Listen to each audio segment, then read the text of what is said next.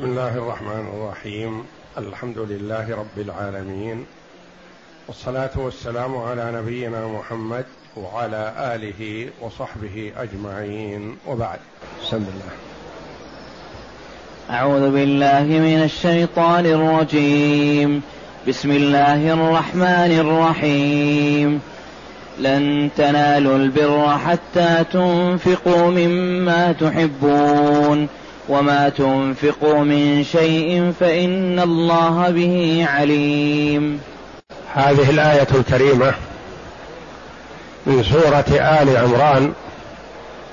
جاءت بعد قوله جل وعلا إن الذين كفروا وماتوا وهم كفار فلن يقبل من أحدهم ملء الأرض ذهبا ولو افتدى به. أولئك لهم عذاب أليم وما لهم من ناصرين. لن تنالوا البر حتى تنفقوا مما تحبون. الآية. بين جل وعلا في الآية السابقة أن الكفار لو بذلوا ما يبذلونه ولو ملء الأرض ما نفعهم ذلك يوم القيامة. فهذا تيئيس لهم. ثم إنه جل وعلا حث المؤمنين على البذل والعطاء في سبيله. وكلما أعطى المرء مما يحب فذلك خير له. وذلك سبب لأن ينال ما يرضيه. يقول تعالى لن تنالوا البر. لن تصلوا ولن تدركوا البر. البر يطلق على معان كثيرة. قيل الجنة. لن تنالوا الجنة. وقيل البر الصدق. وقيل البر العمل الصالح. وقيل غير ذلك كثير ولا منافاة بينها. فالبر العمل الصالح والبر الصدق. والصدق يهدي إلى الجنة والعمل الصالح سبب لدخول الجنة. فلا منافاة بينها. لن تنالوا الجنة أو لن تنالوا ما يوصلكم إلى الجنة حتى تنفقوا مما تحبون الإنفاق الإخراج والعطاء والنافقة فتحة جحر اليربوع التي يفر منها إذا حجر من جهة الباب الأساسي. الجربوع والجربوع لذهانته له جحره له باب. ثم يجرى فتحة خفية في آخره ينتقل منها إذا حصر من الباب الأساسي. فهي الإنفاق والنفق والإنفاق يدل على البذل والخروج والعطاء. حتى تنفقوا تعطوا مما تحبون. حث على الإنفاق من الجيد.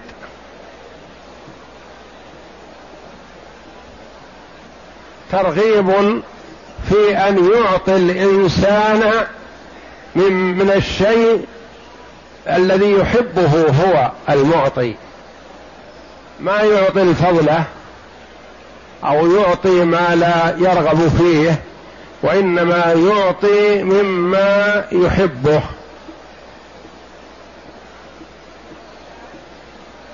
والله جل وعلا وصف الأنصار رضي الله عنهم بأنهم يؤثرون على أنفسهم ولو كان بهم خصاصة. هم محتاجون أشد الحاجة إلى هذا الشيء ويؤثرون به. وهذا هو العقل والرشد. لأن المرأة إذا أعطى شيئا فهو له. وإذا أكله ذهب عليه. والصحابة رضي الله عنهم ينقل أن الكأس كأس الماء شربة الماء دارت على عشرة في معركة من المعارك. يأتي المرء بقليل من الماء للرجل الذي أتعب وأوشك على الموت فيعطيه يناوله الماء فيسمع أنين من خلفه فيقول ذاك أحوج أعطه إياه. فيعطيه للثاني. فيقول يسمع من خلفه يئن فيقول ذاك أحوج. حتى تصل إلى التاسع فيقول أعطه ذاك فهو أحوج مني. فيذهب إلى العاشر فيجده قد مات. ثم يعود إليهم واحدا بعد الآخر ويجدهم قد فارقوا الحياة. كلهم في أمس الحاجة إلى شربة الماء ومع هذا يؤثرون بها الآخرين رضي الله عنهم وأرضاهم. فالمؤمن مأمور بالإنفاق ويختار الطيب الذي يوده ويريده ويحبه هو لنفسه. لن تنالوا البر حتى تنفقوا مما من الذي ما الثانية من هذه تبعيضية أو بيانية وما هذه موصولة أو موصوفة مما من الذي تنفقون أو من الشيء الذي تحبونه. مما تحبون. وهذه والله أعلم كما قال بعض المفسرين عامة في كل شيء. الإنفاق من المال. الإنفاق والعطاء من الجاه. بالشفاعة ونفع الغير. الإنفاق والعطاء من البدن. يعني عنده قدرة على أن يعمل لغيره شيء ينفعه في فيعمل ذلك.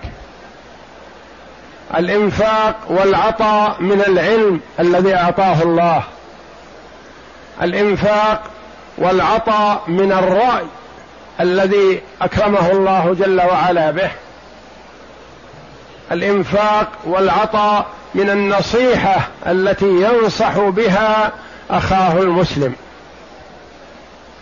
فليست خاصة بالمال وحده والله أعلم كما قال بعض المفسرين فكل ينفق مما أعطاه الله جل وعلا وعطاء الله جل وعلا لعباده يتفاوت. هذا أعطاه العلم وهذا أعطاه المال وهذا أعطاه القدرة البدنية والقوة وهذا أعطاه الرأي وهذا أعطاه كذا وهذا أعطاه كذا وهكذا. فكل ينفق مما تفضل الله جل وعلا به عليه. لن تنالوا البر حتى تنفقوا مما تحبون. وما تنفقوا من شيء فان الله به عليم يطمئن جل وعلا عباده ويفرحهم ويدخل عليهم ما يسرهم اي شيء تنفقه فالله جل وعلا مطلع عليه ويثيبك عليه قد يفهم من الآية السابقة أن الإنسان ما ينتفع إلا بالشيء الذي يحبه إذا أنفقه وأن الشيء الذي لا يحبه لا ثواب له. فوضح وبين جل وعلا لعباده أن أي شيء ينفقه العبد فإن الله جل وعلا يعلمه. ويطلع عليه ويثيبه عليه. يثيب على الجزيل جزيلا جل وعلا ويثيب على ما دون ذلك بحسبه مع تفضله جل وعلا وزيادته. والله جل وعلا يعطي على الحسنة عشر أمثالها إلى سبعمائة ضعف إلى أضعاف كثيرة فهو يزيد جل وعلا ولا ينقص. وما تنفقوا من شيء أي شيء فإن الله به عليم. ما يقال هذا شيء يسير تمرة. ماذا يكون ثوابها؟ لا ثواب لها أو ثوابها يسير. كل ما أنفقت وإن قل فالله جل وعلا يعلمه ويعطيك ثوابه مع الزيادة بدون النقص. هذه الآية الكريمة لما انزلها الله جل وعلا في كتابه كان لها وقع عظيم في نفوس القلوب الحية المؤمنة بالله تبارك وتعالى المطبقون لكتابه حينما يسمعون الآية يسارعون ويطبقون رضي الله عنهم. هذا أبو طلحة الأنصاري رضي الله عنه. له بستان عظيم فيه ماء طيب وأشجار كان النبي صلى الله عليه وسلم يدخله ويشرب من مائه وهو مال نفيس. لما سمع هذه الآية فكر في نفسه ما هو أغلى شيء عندي؟ هذا البستان. فجاء إلى النبي صلى الله عليه وسلم. فقال يا رسول الله إن الله جل وعلا يقول لن تنالوا البر حتى تنفقوا مما تحبون وإن أحب أموالي إلي بيرحا. وإنها صدقة لله ولرسوله أرجو برها. فقال النبي صلى الله عليه وسلم بخ بخ ذاك مال رابح ذاك مال رابح. هذه عطية عظيمة. عطية جزلة. يقول ضعها يا رسول الله حيث أراك الله. فقال النبي صلى الله عليه وسلم قد سمعت ما قلت وأرى أن تجعلها في الأقربين. والصدقة على الفقير صدقة وعلى القريب اثنتان صدقة وصلة صلة رحم. فقسمها أبو طلحة رضي الله عنه في أقاربه.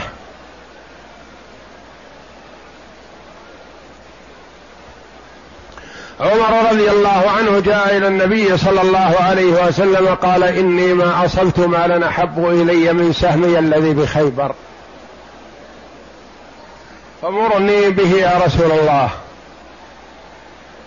فأمره النبي صلى الله عليه وسلم أن يحبس الأصل ويسبل المنفعة.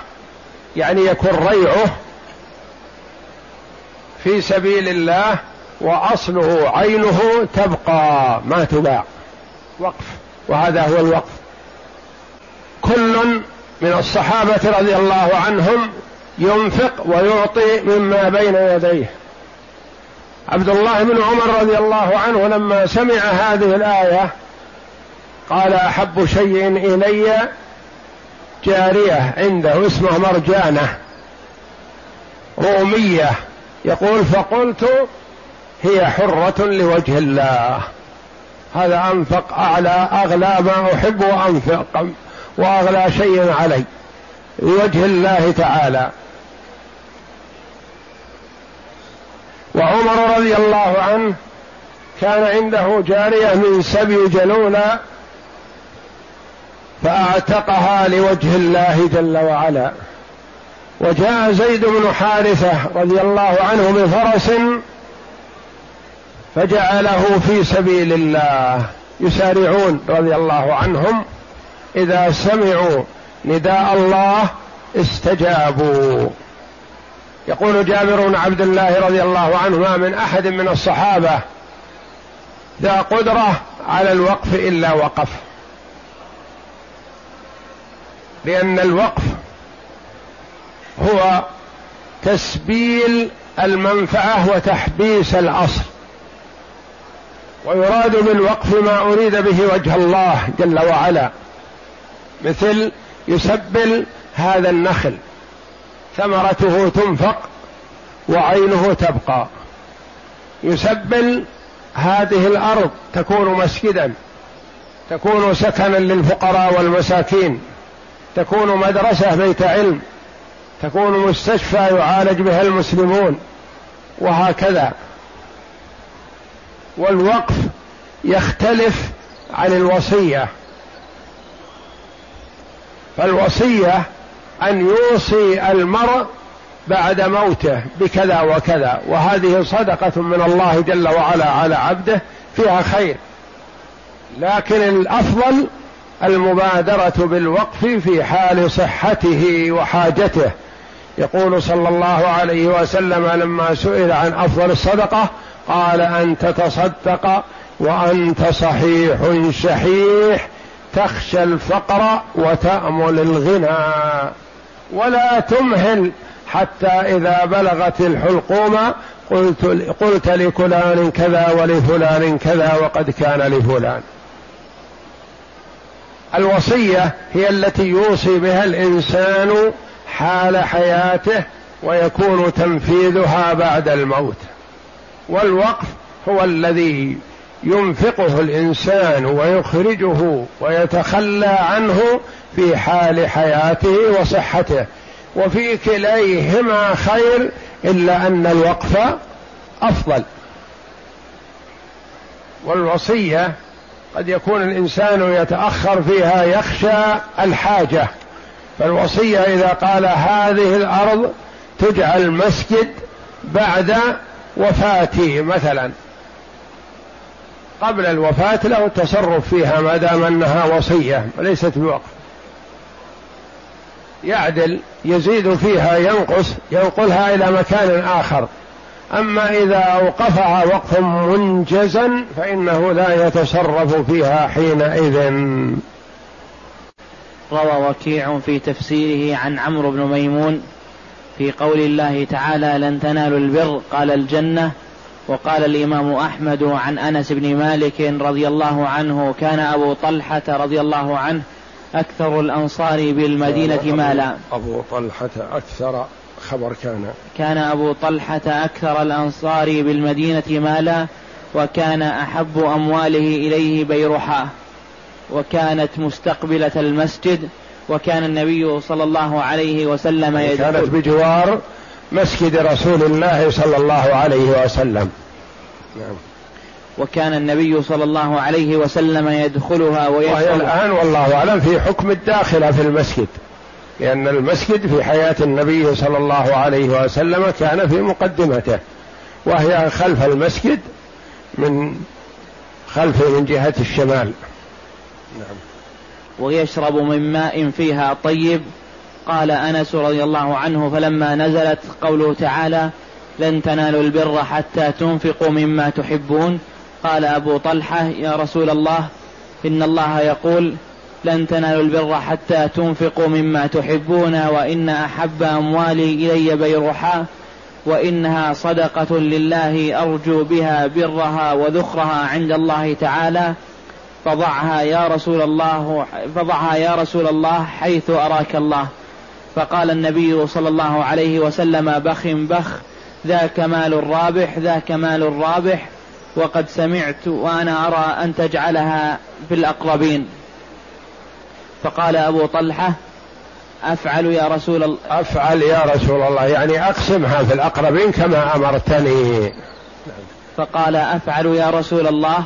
فقسمها أبو طلحة في أقاربه وبني عمه. وفي الصحيحين أن عمر رضي الله عنه قال يا رسول الله لم أصب مالا قط. هو أنفس عندي من سهمي الذي هو بخيبر فما تأمرني به؟ قال احبس الأصل وأسبل الثمرة. والله أعلم. وصلى الله وسلم وبارك على عبده ورسول نبينا محمد وعلى آله وصحبه أجمعين.